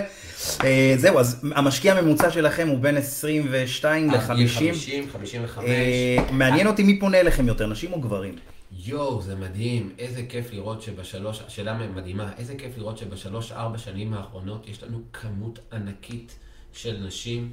אה, היום הייתה אישה מהממת שהצטרפה אלינו, אני יכול להגיד רק את שמה הפרטי, אני לא יודע אם היא אה, תסכים לשמה, לשם. עדיף שלא, עדיף שלא. עדיף שלא, אבל קהילה אה, ענקית של נשים עצמאיות ונשים אה, אה, אה, אה, שמקבלות אומץ ותעוזה להשקיע. אתה יודע, זה הרבה יותר מאתגר להשקיע בקרקע ולא בנכס שאתה רואה ארבע קירות. נכון. זה, זה סוג של אה, צריך חשיבה. פסיכולוגי, שזה זה. ודווקא נשים מצטיינות בזה בזמן האחרון, וזה כיף לראות את ההישגים של נשים שהן יוצאות מאזור הנוחות. אז, אז מי ומקבלות פונה אליכם יותר בעצם, גברים או נשים? וואו, אני... באחוזים. אני, אני יכול לומר לך שעד לפני 3-4 שנים זה היה by far גברים. היום אני חושב שזה כבר באמת חצי-חצי. וואו. וזה מר- אז זה באמת- מרגש אותי אז ברמות. זה תהליך אה, מטורף. כן. תהליך מדהים. אני יכול להגיד לך שאצלנו רוב, הרוב זה גברים. זה מבאס. אותי לשמוע. אבל כן אני יכול להגיד שב... כמו שאתה אומר, בוא נגיד בארבע שנים האחרונות, יש איזושהי אה, תנועה, התעוררות? חד וחלק, נשים הרבה יותר מעורבות בתהליך של ההשקעה. גם אם הן לא פונות, אז הן מובילות את זה. בוא נגיד שאצלנו לפחות, בוא נגיד שהיום זה משהו כמו אה, 30-70 עדיין. זה עדיין לא ברמה שככה... יאללה, נשים, אבל זה. כן, זה כן עולה. בוא נגיד שלפני, בתחילת העשור שהתחלתי לעבוד בנדל"ן, אה, זה היה לגמרי 90-10. כן. קחי 20 אחוז בכמה זה, זה מדהים. אפילו יותר, זה תלוי, איזה- אבל אפשר להגיד שזה פשוט יש הרבה- יש. עניין של רווקות מאוחרת, יש עניין של... אה, לגמרי. ו- ונשים רוצות לעשות משהו עם הכסף שלהם, שלא ישתנה. לא, לנשים פשוט היום יש יותר הרבה אומץ, וזה כיף, זה כיף. נכון. תראה, אני, יש לי שש אחיות. נכון, ואני. אה, כאילו... בקיצור, אז אני גדל בדבר הזה, ואתה יודע, פמיניזם ודברים כאלה, ו- וזה זה מאוד מאוד חשוב, שנשים באמת ייקחו את ה- את הדבר הזה, את המושכות, ולהתקדם ולהתפתח. אני חושב שזה ה... זה אחת מהחובות שלנו, באמת לתת את השוויון הזה, ואתה יודע, כשמדברים על שוויון מגדרי וזה בכל מיני בטלוויזיה, אני אומר כאילו, מה, מה, כאילו, למה זה בכלל צריך להגיע לשם, נכון, אתה מבין? כי אני. גר בבית כזה שכולו בוסטריות רציניות. לגמרי. אבל אני בטוח שזה, זה אם אתה אומר 50-50 אצלכם היום- 70-30, זה מדהים. זה מדהים אותי לראות אחיות מצטרפות אחת לשנייה. אימא ובנות מצטרפות אחת לשנייה, בנות לבד, וגם רוכשות לא מגרשים קטנים. מה אתה, אתה אומר לא. על, אה, אה, מה אתה אומר על ערב אה, השקעות לנשים? קודם כל, יש... בוא נרים את הכפפה. בוא נרים אתה את יודע הכפפה שאני עשיתי. לפני בערך שנה, בערך פרסמתי פוסט של ערב נדל"ן לנשים. יאללה, קיבלתי זה. עשרות פניות, אנחנו עושים את זה. אה, אז אולי באמת כדאי שנרים ערב לנשים בלבד. יאללה.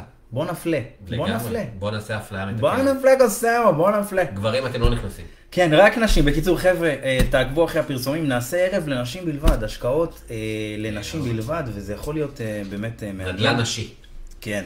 אה, איך אני משיג מימון עסקאות האלה? סבבה, דיברנו. תספר לי אה, ככה קצת על עסקאות שכבר קניתם ומכרתם, אה, שככה נבין בדיוק מה, מה הולך. גובה הרווחים דיברנו כבר, זה כן. יכול לנוע בין 12, 13, 14 אחוז ל... כן, לא היה לנו. פחות מ-14 למי שיצא בסוף. מי שיצא קצת לפני הזמן הזה, היו גם אנשים שהרוויחו 12-13 אחוז תשואה. אה, לדוגמה, אה, עסקה מדהימה שעכשיו אנחנו, ב- אפילו עד היום אנחנו מרגישים אותה, אנרג'י פארק.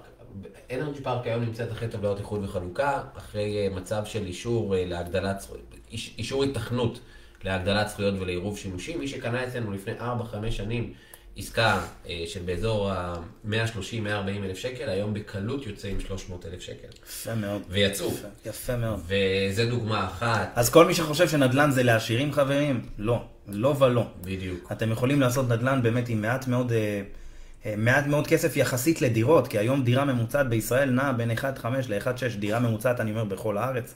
דירו, דירה ממוצעת בבאר שבע נעה סביב כבר המיליון שקלים. זה מטורף, אה? בפריפריה. אתה יודע, יש לך חלק מאוד גדול בזה שעליית, שבאר שבע עלתה. אני בטוח. אני, אני אומר לך את זה מתוך זה שעוד הרבה לפני שהכרנו בתור חבר, שנהיינו חברים, אני שמעתי את זה. מכל כך הרבה לקוחות. זה מדהים מדהים, לראות את מדהים, זה. האמת. כמה אני- בן אדם אחד או שניים יכולים ל- לעשות טראפיק גדול לאזור מסוים. תראה, אני חושב שכל בן אדם, בטח שהוא משווק ושיש לו באמת קהל שעוקב אחריו וכאלה, אני חושב שיש לו כוח אדיר. גם אם הם לא קונים ממך, הם פותחים את הראש. נכון. כי אנשים שכאילו לא, כאילו, מה לי ולבאר שבע, עיר הגמלים וכאלה, אנחנו מגיעים לסיורים, ואתה יודע, זה אדוות בסופו של דבר. נכון. כי משקיע קונה ממך, ואח שלו קונה ממך, ואז הוא מפרסם, ותודה רבה, ואז יש את הסרטון תודה, עוד מאות רואים את זה, נכון. עוד אנשים שאנחנו מפרסמים להם בוואטסאפ ודיבורים, זה, זה אדווה על אדווה על אדווה, אני חושב שכל, לא רק אני, אלא בכלל אנשים שמתעסקים בליווי משקיעים בעיקר בבאר שבע, בדרום, זה, אין, אין לי ספק שיש לנו, אה, אתה יודע, כאילו הרבה ב, ב, בעניין הזה. אה, ויאמר אה, כמובן כל הכבוד למשקיעים שהאמינו בבאר שבע, כי אנשים שקנו דרכנו, בוא ניתן לך דוגמה, אנשים שקנו דירה בבאר שבע ב-250 אלף שקלים, אנשים שהאמינו, עוד שהכסף היה כל כך, אה, זאת אומרת, זה מחירים כל כך נמוכים, 200, 230, 250 אלף שקלים. זה אנשים שקיבלו עכשיו נכסים עד לפני, זאת אומרת, לפני שנתיים הפרויקט אוכלס, ב-2018. הנכסים שם היום נמכרים, זאת אומרת, הקבלן נתן להם על הדירה השבורה שלהם, עשו שם פינוי-בינוי, דירה שבורה, נתן להם שתי דירות שכל אחת היום נמכרת בין מיליון למיליון מאה. מדהים. מטורף. זאת אומרת, אם אתה באמת מאמין וסומך ורואה ובודק, אתה יכול לעשות ים של כסף, חבר'ה, ואם אתם רוצים לצאת ממרוץ העכברים, אין ברירה אחרת. זהו להבין בשוק ההון שהוא באמת יותר מסובך ומורכב, אה, שאני אישית לומד אותו בשנה האחרונה. כמו הרבה מאוד דברים שלמדתי בשנה, אני, זה מאוד מעניין אותי, כי זה, יש בזה, יש בזה נקודות נישוק לנדל"ן, אבל הוא יותר מסובך. יותר מסובך להבנה, יותר מורכב, אה, לא כמו נדל"ן. נדל"ן זה הרבה פעמים באמת דברים אינטואיטיביים. אתה רואה, אתה יכול לדבר עם שכנים, אתה יכול... בדיוק. בשוק ההון זה באמת הרבה מספרים, לחקור. אתה צריך קצת... אה, זאת אומרת, אתה צריך להיות אנליסט בראש וגם להבין את הפסיכולוגיה של המ... אה, כאילו, זה יותר מורכב. נכון. אתה מבין? נדל"ן זה באמת יותר נגיש, ואתם צריכים לעשות פשוט אסטרטגיית השקעה, חבר'ה, לא משנה במה, אבל פשוט להיכנס לזה, תלכו על ההשקעות הכי בטוחות מבחינתכם.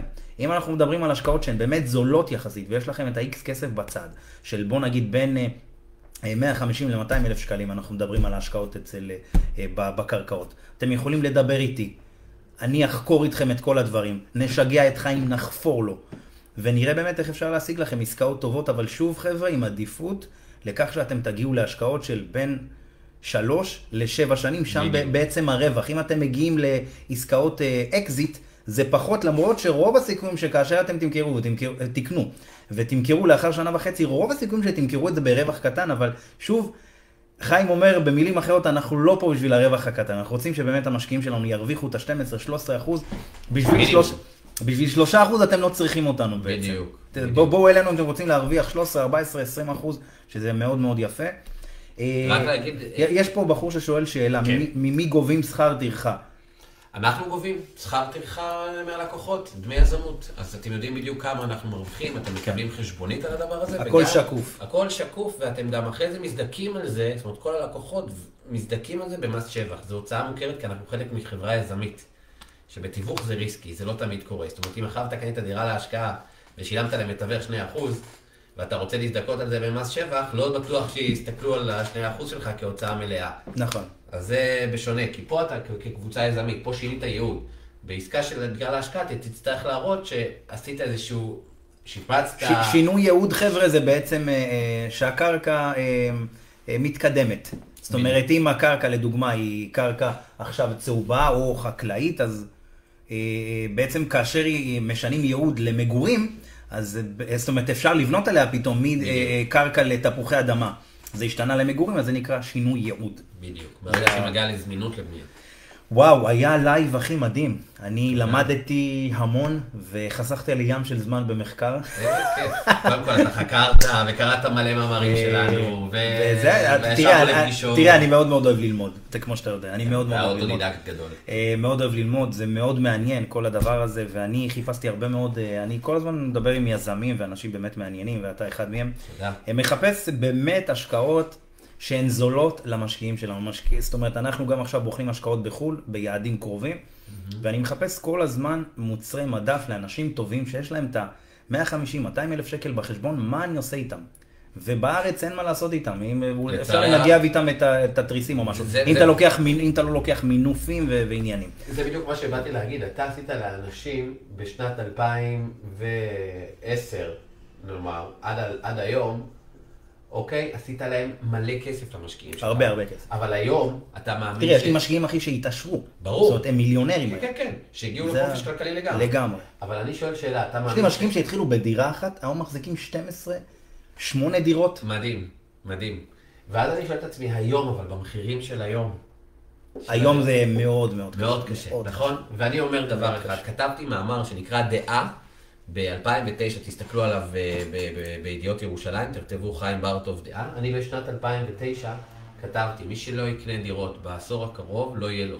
זאת אומרת, זאת תהיה מדינה של אונרים ורנטרים, בעלי דירות וסוחרים, כמו ניו יורק, כמו לגמרי, מנהטן. לגמרי, גם אני חושב שזה הולך לשם. ואני אומר, חברים, תראה, בסופו של דבר מדינת ישראל היא היא היא עיר. היא עיר קטנה. אתה מבין? כן, קטנה. היא עיר קטנה. זאת אומרת, 400 יש, יש, קילומטר, עיר קטנה. נכון, הרי הרבה מאוד מערי בירה בעולם, הרבה, זאת אומרת. פי כמה וכמה מה, מישראל. ניו יורק אומרת, 12 מיליון, אנחנו לגמרי. עדיין לא תשעה. לגמרי. עכשיו, אני אומר, מי שלא יקנה קרקעות היום בטאבו פרטי, צהובות, והגיע לפה, עוד מעט לא יוכל לקנות בכלל גם לעשות את הרווחים האלה. זאת אומרת, מי שירוויח פעם את ה-20% תשואה עם האקזיט בדירות, שזה מה שהיה. אנחנו לא מסתכלים על השכירות, אנחנו מסתכלים על כמה הוא הרוויח. כאילו, למי שהיה באמת את האומץ הפשוט הזה. לפני עשור, ללכת, לקחת אפילו הלוואה. אתה יודע, הרי לפני עשור היה לכל אחד החברה... מההורים שלנו היה דירה, מספיק שהם היו קונים עוד אחת או עוד שתיים. אבל מה? לא, הם המשיכו לעבוד ולהיות שכירים ולהרוויח את העוד עשרת בזמן שהעשירים הולכים וקונים... וקנו. וקנו וקנו דירות, וזה מה שקרה. עכשיו. מי שלא יקנה קרקעות עכשיו אמיתיות ויבדוק, לא יוכל לעשות את המקפצות האלה בארץ ישראל, יצטרך לצאת החוצה. אני, אני גם חושב שהמקום הזה הולך לשם. זאת אומרת, כמו שאמרתי, כמו- לקנות אז כמו דירות ב- שאתה עשית את זה לאנשים, אני אומר לך, חבר'ה, יש עוד חלון הזדמנויות של 4-5 שנים לקנות סחורה אמיתית וטובה בזול. כי עוד מעט גם לא יהיה סחורה ב-150-200 אלף שקל במגרשים אמיתיים. בטח שלא אחרי טבלאות איחוד וחלוקה. זה פשוט לא להאמין שיש איתנו מעל 100 איש, אנחנו שעה משדרים. זה מטורף, אחי. מדהים, תודה לכולם. חבר'ה, זה פשוט מרגש. באמת, זה מדהים, ו-100 אנשים זה אומר אלפי צפיות. זאת אומרת, עוד, עוד אלפים יראו את זה. אז זה באמת מדהים, ותודה רבה לך, אחי. תודה רבה לך, שבאת, בן יקר שלי. ובאמת יזמת, חבר'ה, חיים כרגע בבית שלי. בחדר, בסטודיו שלי, שאני בו מצלם, זה חדר עבודה, שמפה אני מייצר אה, הרבה מאוד דברים. אה, וחיים באמת יזם את זה, הניע את האוטו שלו, הגיע, כי הייתה לנו תקלה למי שככה היה איתנו בהתחלה. אה, מי שרוצה, חברים, שאנחנו, זאת אומרת, הצוות שלי אישית, ילווה אותו בתהליך של הרכישת קרקע, ושנחפור לחיים, חיים מארח בחסד, כמו אירוח בדואי במשרד. רבה. מקסים. זה אחד הדברים שקנו אותי, דרך אגב. תודה. הביא לי בורקסים טעימים. אה, אז תגיעו אליי חבר'ה ואני אעזור לכם עם העניין של הקרקע, יסביר לכם הכל, כמו שאתם רואים חקרתי את זה ממש לעומק ואני מבין יותר משהבנתי אתמול, אבל יש לי עוד הרבה ללמוד, אני לא רבע מחיים ברמה של הקרקעות, הוא פנומן ברמה הזאת, הוא פה בשביל ללמד אותנו, אז תדברו איתנו ונלך יד ביד בשביל באמת אה, אה, לראות איך אנחנו מוצאים עסקאות טובות.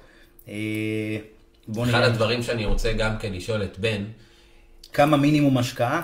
אה, אני רואה שיש לנו פה בחור רציני, יהיו, חבר'ה, אתם כמובן יכולים גם לשלוח אחרי זה לפרטי, כמו שאתם תמיד עושים, אז באהבה. מבחינת השקעה, אנחנו מדברים על מינימום השקעה כרגע לקרקע. מי שיש לו 120-130 אלף שקל הון עצמי, מוזמן אה, להתקשר אל בן וליצור איתו קשר או בשמחה. פרטים. חבר'ה, אם יש לכם 130 אלף שקלים, אתם יכולים לשלוח לי הודעה פרטית, ואנחנו נשמח לענות לכם, ובאמת... נכון. דיברנו על זה שאנשים שקנו ב-130 יצאו עם אה, 300 אלף? תאר לך שמי שהיה שם מיליון שקל אחרי 4 שנים, לא 100 אלף, יגיע לשלוש- לשלושה מיליון. זה קורה, זה קורה. ואנשים שהיה להם. אומץ אצלנו במגרשים עשו את זה. אחי, בתוך עשר שנים, מי שהיה לו את האומץ נכון. לקנות, אה, אם זה דירות או קרקעות, לא משנה, מה ש... כל דבר שקשור בנדל"ן בארץ. כי בסופו של דבר, מישראל היא מדינת אי. ותמיד אני אומר את זה, זו מדינה בסך הכל כל כך קטנה, שאין יותר מדי, אה, זה כמובן שיש לנו גם את, אה, את נבדה של ישראל, שזה האזור של, אה, אתה יודע, הערבה, אבל עד שנבנה, עד שזה, זאת אומרת, זה קרקע גם שקשה מאוד לעבוד איתה. נכון. יותר יקרה, ואין מה לעשות, המדינה הולכת, זה גם אם יבנו בערבה, המחירים בטח יהיו לא זולים. לגמרי. כי, כי היום אפילו גם אה, ל- לבת... זאת אומרת, המדינה נותנת באזורים מסוימים קרקע בחינם, נכון, ואנשים לא קרקע מגיעים. רעילה. קרקע בחינם. אחי, אני לא מכיר-. כן, אני מכיר אנשים שקנו בערבה, באזורים מסוימים, בספיר וכל מיני מקומות כאלה. ב, אתה יודע, באזורים, ב, בדרך לאילת חברים. קנו שם קרקעות ב-100 אלף שקל, אתה יודע, כולל פיתוח עלויות 100-150 אלף שקלים, בנו שם אה, בנייה קלה. בית בעצם לא מאיטונג, לא בטון, בנייה קלה, בעוד 300-500 אלף שקל, חצי דונם, זאת אומרת יש להם וילה עם אה, זה, אבל עדיין להגיע למקום למקום, וזה באמת לא פשוט. שימו לב חבר'ה, המדינה נותנת קרקע בחינם, נכון. בכל הקצוות שלה. נכון. אם זה רמת הגולן וכל האזורים האלה, אל- באזורים של הערבה, קרקע בחינם ואנשים לא מגיעים.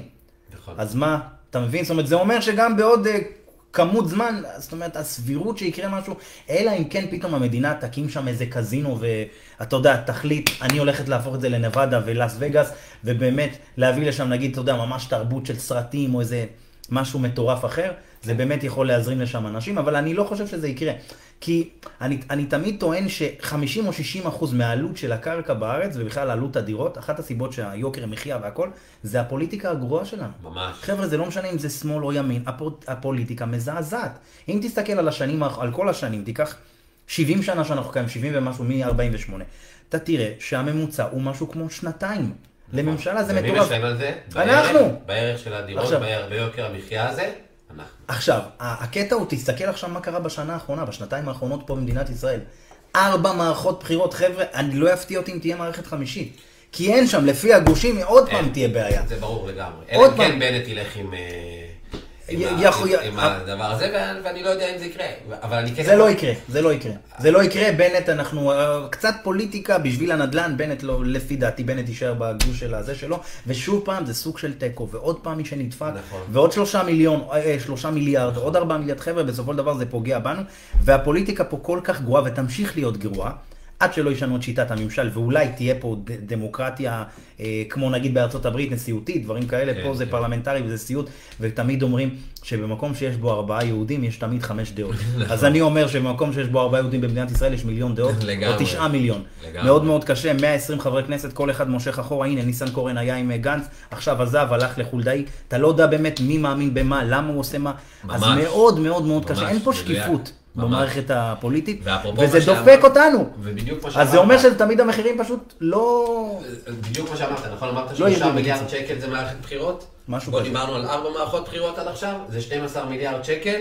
זה אינפלציה מטורפת. מטורף, של- נכון, שתעלה נכון, הנדל"ן, נכון. בלי שום קשר לגמרי. יש עוד ביקושים, עוד אנשים שצריכים דירות או. פחות. זה- אנשים שלא יקנו נדל"ן לא מבינים. זה המצב. חבר'ה, אם אתם רוצים להבין אם הנדל"ן יעלה או לא, פשוט תשאלו את עצמכם, האם יהיה, מה הסבירות שבמדינה יהודית בתקופה הזאת של ריבוי הדעות וכל מה שקורה ברשתות החברתיות, כל אחד מושך והעלייה לעצמו. המטורפת והאנטישמיות. לא, אני מדבר רק על הפוליטיקה. פוליטיקה זה 60% מהעלות, בוודאות. תחשוב אם היה לנו שר כמו כחלון. בתחילת העשור. שוב, אני לא מדבר ברמה הכלכלית, אני מדבר כן, ברמה כן. של הבוסטריות שלו, נכון. וזה שהוא באמת לקח, הייתה לו כוונה. אכל הרבה הרבה אש. עוד פעם, יש מלא דברים גרועים שהוא עשה. נכון. יש אנשים שהיום נהנים והרוויחו 300-400 אלף לכיס בזכות כחלון. אבל ואני רואה את ה... אנשים שהפסידו ש- ש-. לגמרי, לגמרי. אה, אה, אבל עכשיו, אבל קשה מאוד למצוא אנשים כאלה שבאמת עובדים מהלב. שוב פעם, אני, יש דברים שהסכמתי עם כחלון ויש דברים שלא. אבל קשה מאוד, היום אנשים יותר באמת מחפשים את ה... את ה... את ה... את הלא להגיד במה הם מאמינים אפילו. אחי, אתה לא יודע, אם אני לא שם לך עכשיו 120 חברי כנסת במה הוא זה, אתה לא יודע, אחי. ואתה אתה לא יודע מה הכי יפה במה שאתה אומר? אתה וזה דופק אותנו, אנשים לא מבינים שהמערכת הפוליטית בארץ היא כל כך גרועה, שבכל מערכת בחירות, שים לב, אחי, בשנתיים האחרונות היו ארבע, שים לב, אם אתה תחקור את זה, הנדל"ן עלה בעוד כמה אחוזים. בדיוק, וזה למרות הקורונה, מטורף. בגלל הסיבה שאני אה, מסכים איתה לגמרי של אה, בן, ואני רק רוצה לאסוף פה טיזר בסוף ככה לסיום של המשדר הזה, זה ש... אה, תראה... המשדר הזה לא מסתיים, חברים, הוא לתוך הלילה. אה, כאן יוסי סייס אגב, אתה יודע שיש לנו רדיופונים מאוד? אה, לא יודע. אה, כן. יפה.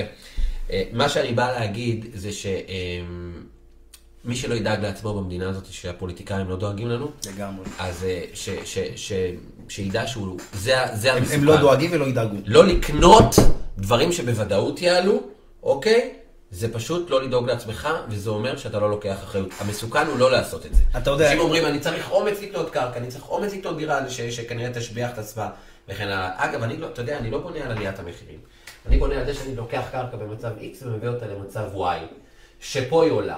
גם אם תהיה ירידת מחירים, עדיין, סליחה שהפכתי לך את כל הלוח, טוב. עדיין, אם תהיה ירידה של 10%, עדיין הרווחתי מההשבחה. אם תהיה עלייה של מחירים, אז עדיין הרווחתי את ההשבחה, נאמר 80-90% את התקופה הזאת, ועוד 10%.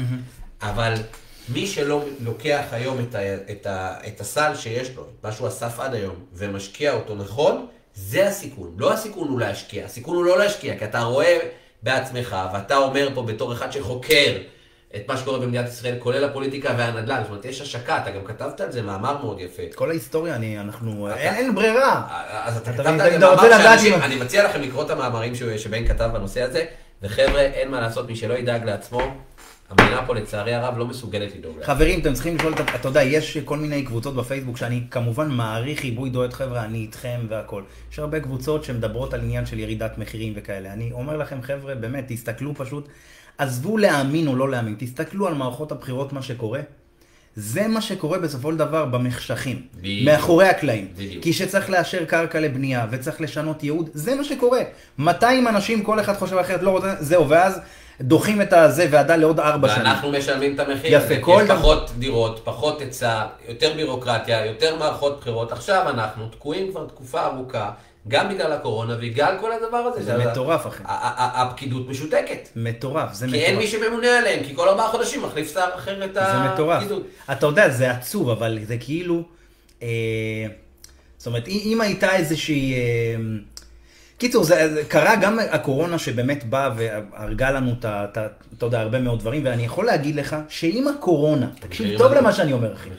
אם הקורונה, למרות שהייתה כתבה, אני רק אומר, תקשיב. ירדה ונס ציונה ירדה, אבל תכף נדבר אחי, אם. הייתה קורונה, אם הייתה קורונה במצב שהממשלה באמת, כאילו, לא רק כל הדבר הזה שנקרא פוליטיקה ישראלית, היה באמת מתפקד, הממשלה הייתה מתפקדת, אז היינו במצב שהמחירים היו יורדים, אחי. המחירים היו. יורדים, המחירים, אבל בגלל שהפוליטיקה כל כך גרועה, והכל. משותק, הלוואי ואנשים יבינו את אז מה הכל משותק. ואנחנו נצליח להסביר ולהנגיש לאנשים אבל שוב. המחירים יורדים שוב פעם לרמה כזאת, שזה זה לא עכשיו, לא תהיה פה התרסקות מחירים, אף אחד לא ימכור את הנכס שלו אתה יודע 40 מה? או בוא נעשה 50 עוד אחוז. לייב, פעם הבאה, על למה אנחנו מעריכים שהמחירים לא יכולים לרדת. זו הערכה שלנו, אנחנו לא נביאים. וגם נסביר על הפוליטיקה, גם נבין שהבנקים מחזיקים פה הרבה מאוד מהנכסים, ואז הבנקים, אם תהיה פשיטת רגל של הנכסים, הם יפשטו רגל.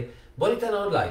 המערכת הבנקאית בארץ, דרך אגב, די חזקה ודי חכמה. מאוד. בטח אחרי המשבר הסייב פריים ב-2008. לגמרי, היא שומרת על עצמה. כן, מ-2011. מתונה, 70 אחוז, 75 אחוז. תבין שבתחילת אין EMI.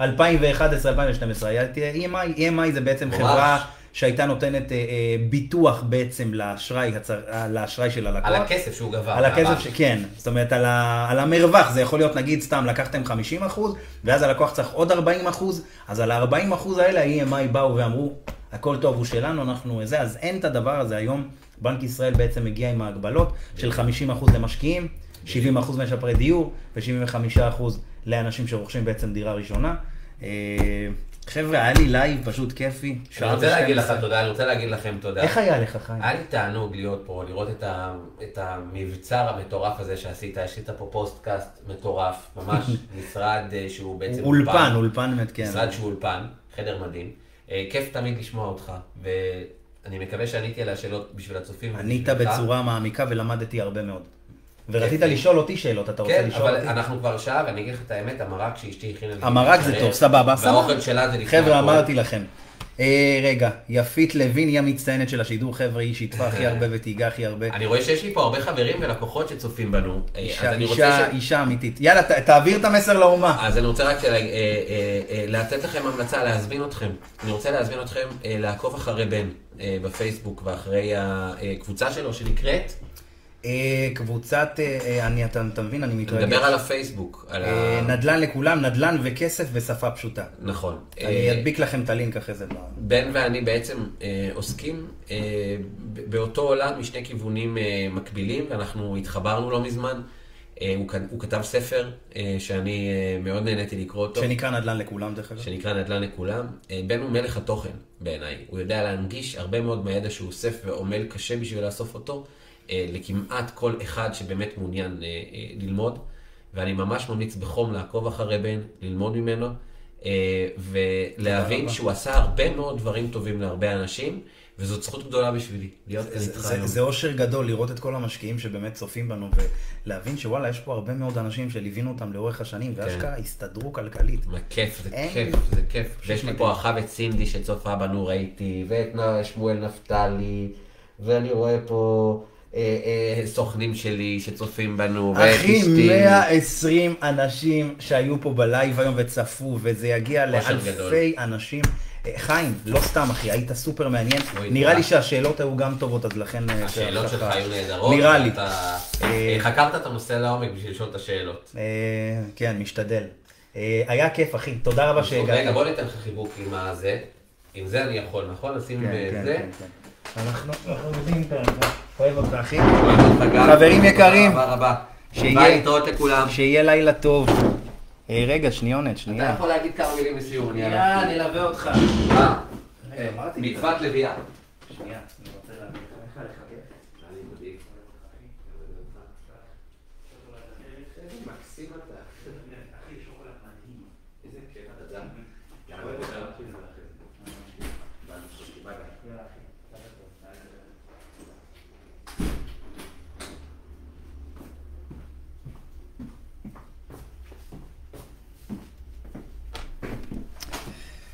חברים יקרים, אני מקווה שהיה לכם לייב אה, כיפי ואיכותי, כמו שהבטחתי, הלייבים הולכים ועולים רמה.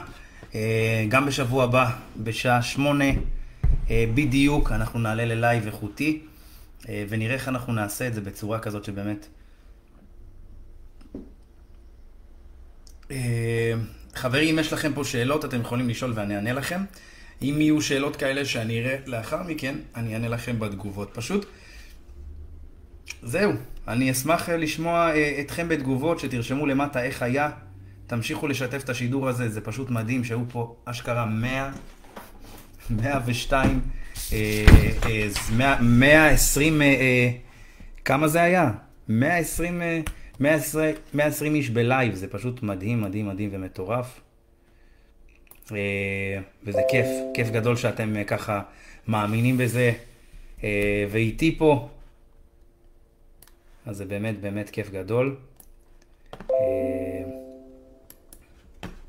רגע שניונת, אני אעשה פה איזה משהו קטן.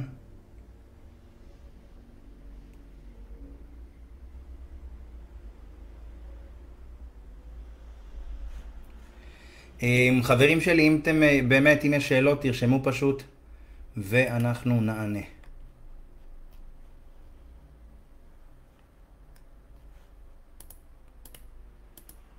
אה, אנחנו צריכים...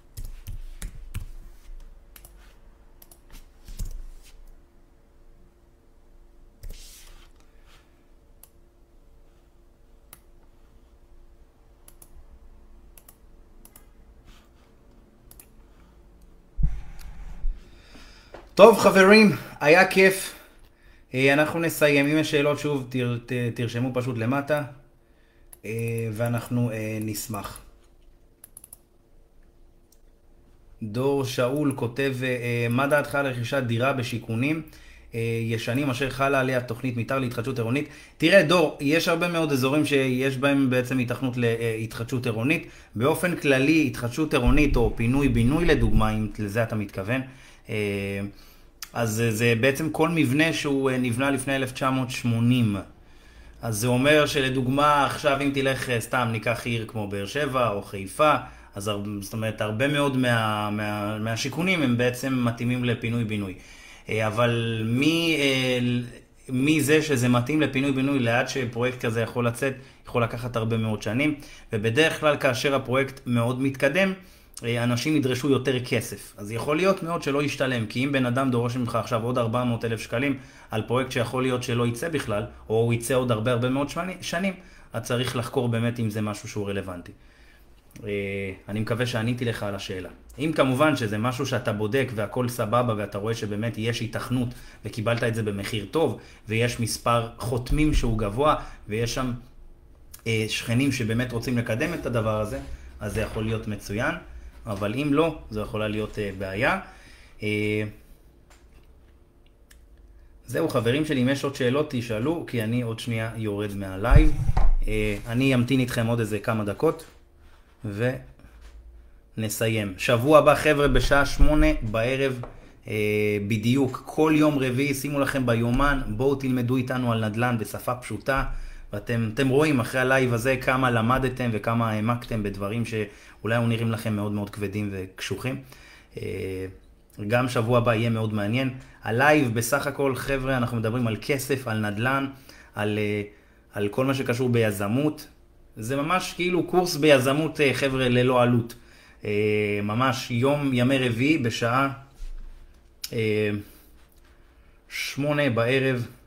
ואם אתם כרגע צופים, חברים שלי, תשתפו את השידור. יש פה 104 צופים, זה פשוט מדהים, מדהים, מדהים, אז כל הכבוד לכל מי שנשאר והיה איתנו אה, כל הלייב. האם כדאי לרכוש דירה בתהליך תמ"א? אה, שוב, אחי, זה באמת אה, תלוי זה, כן, אתה יודע, באופן כללי אני יכול להגיד כן, כי בסופו של דבר תמ"א זה משהו שמשביח את, ה, את הבניין ואתה אמור להרוויח.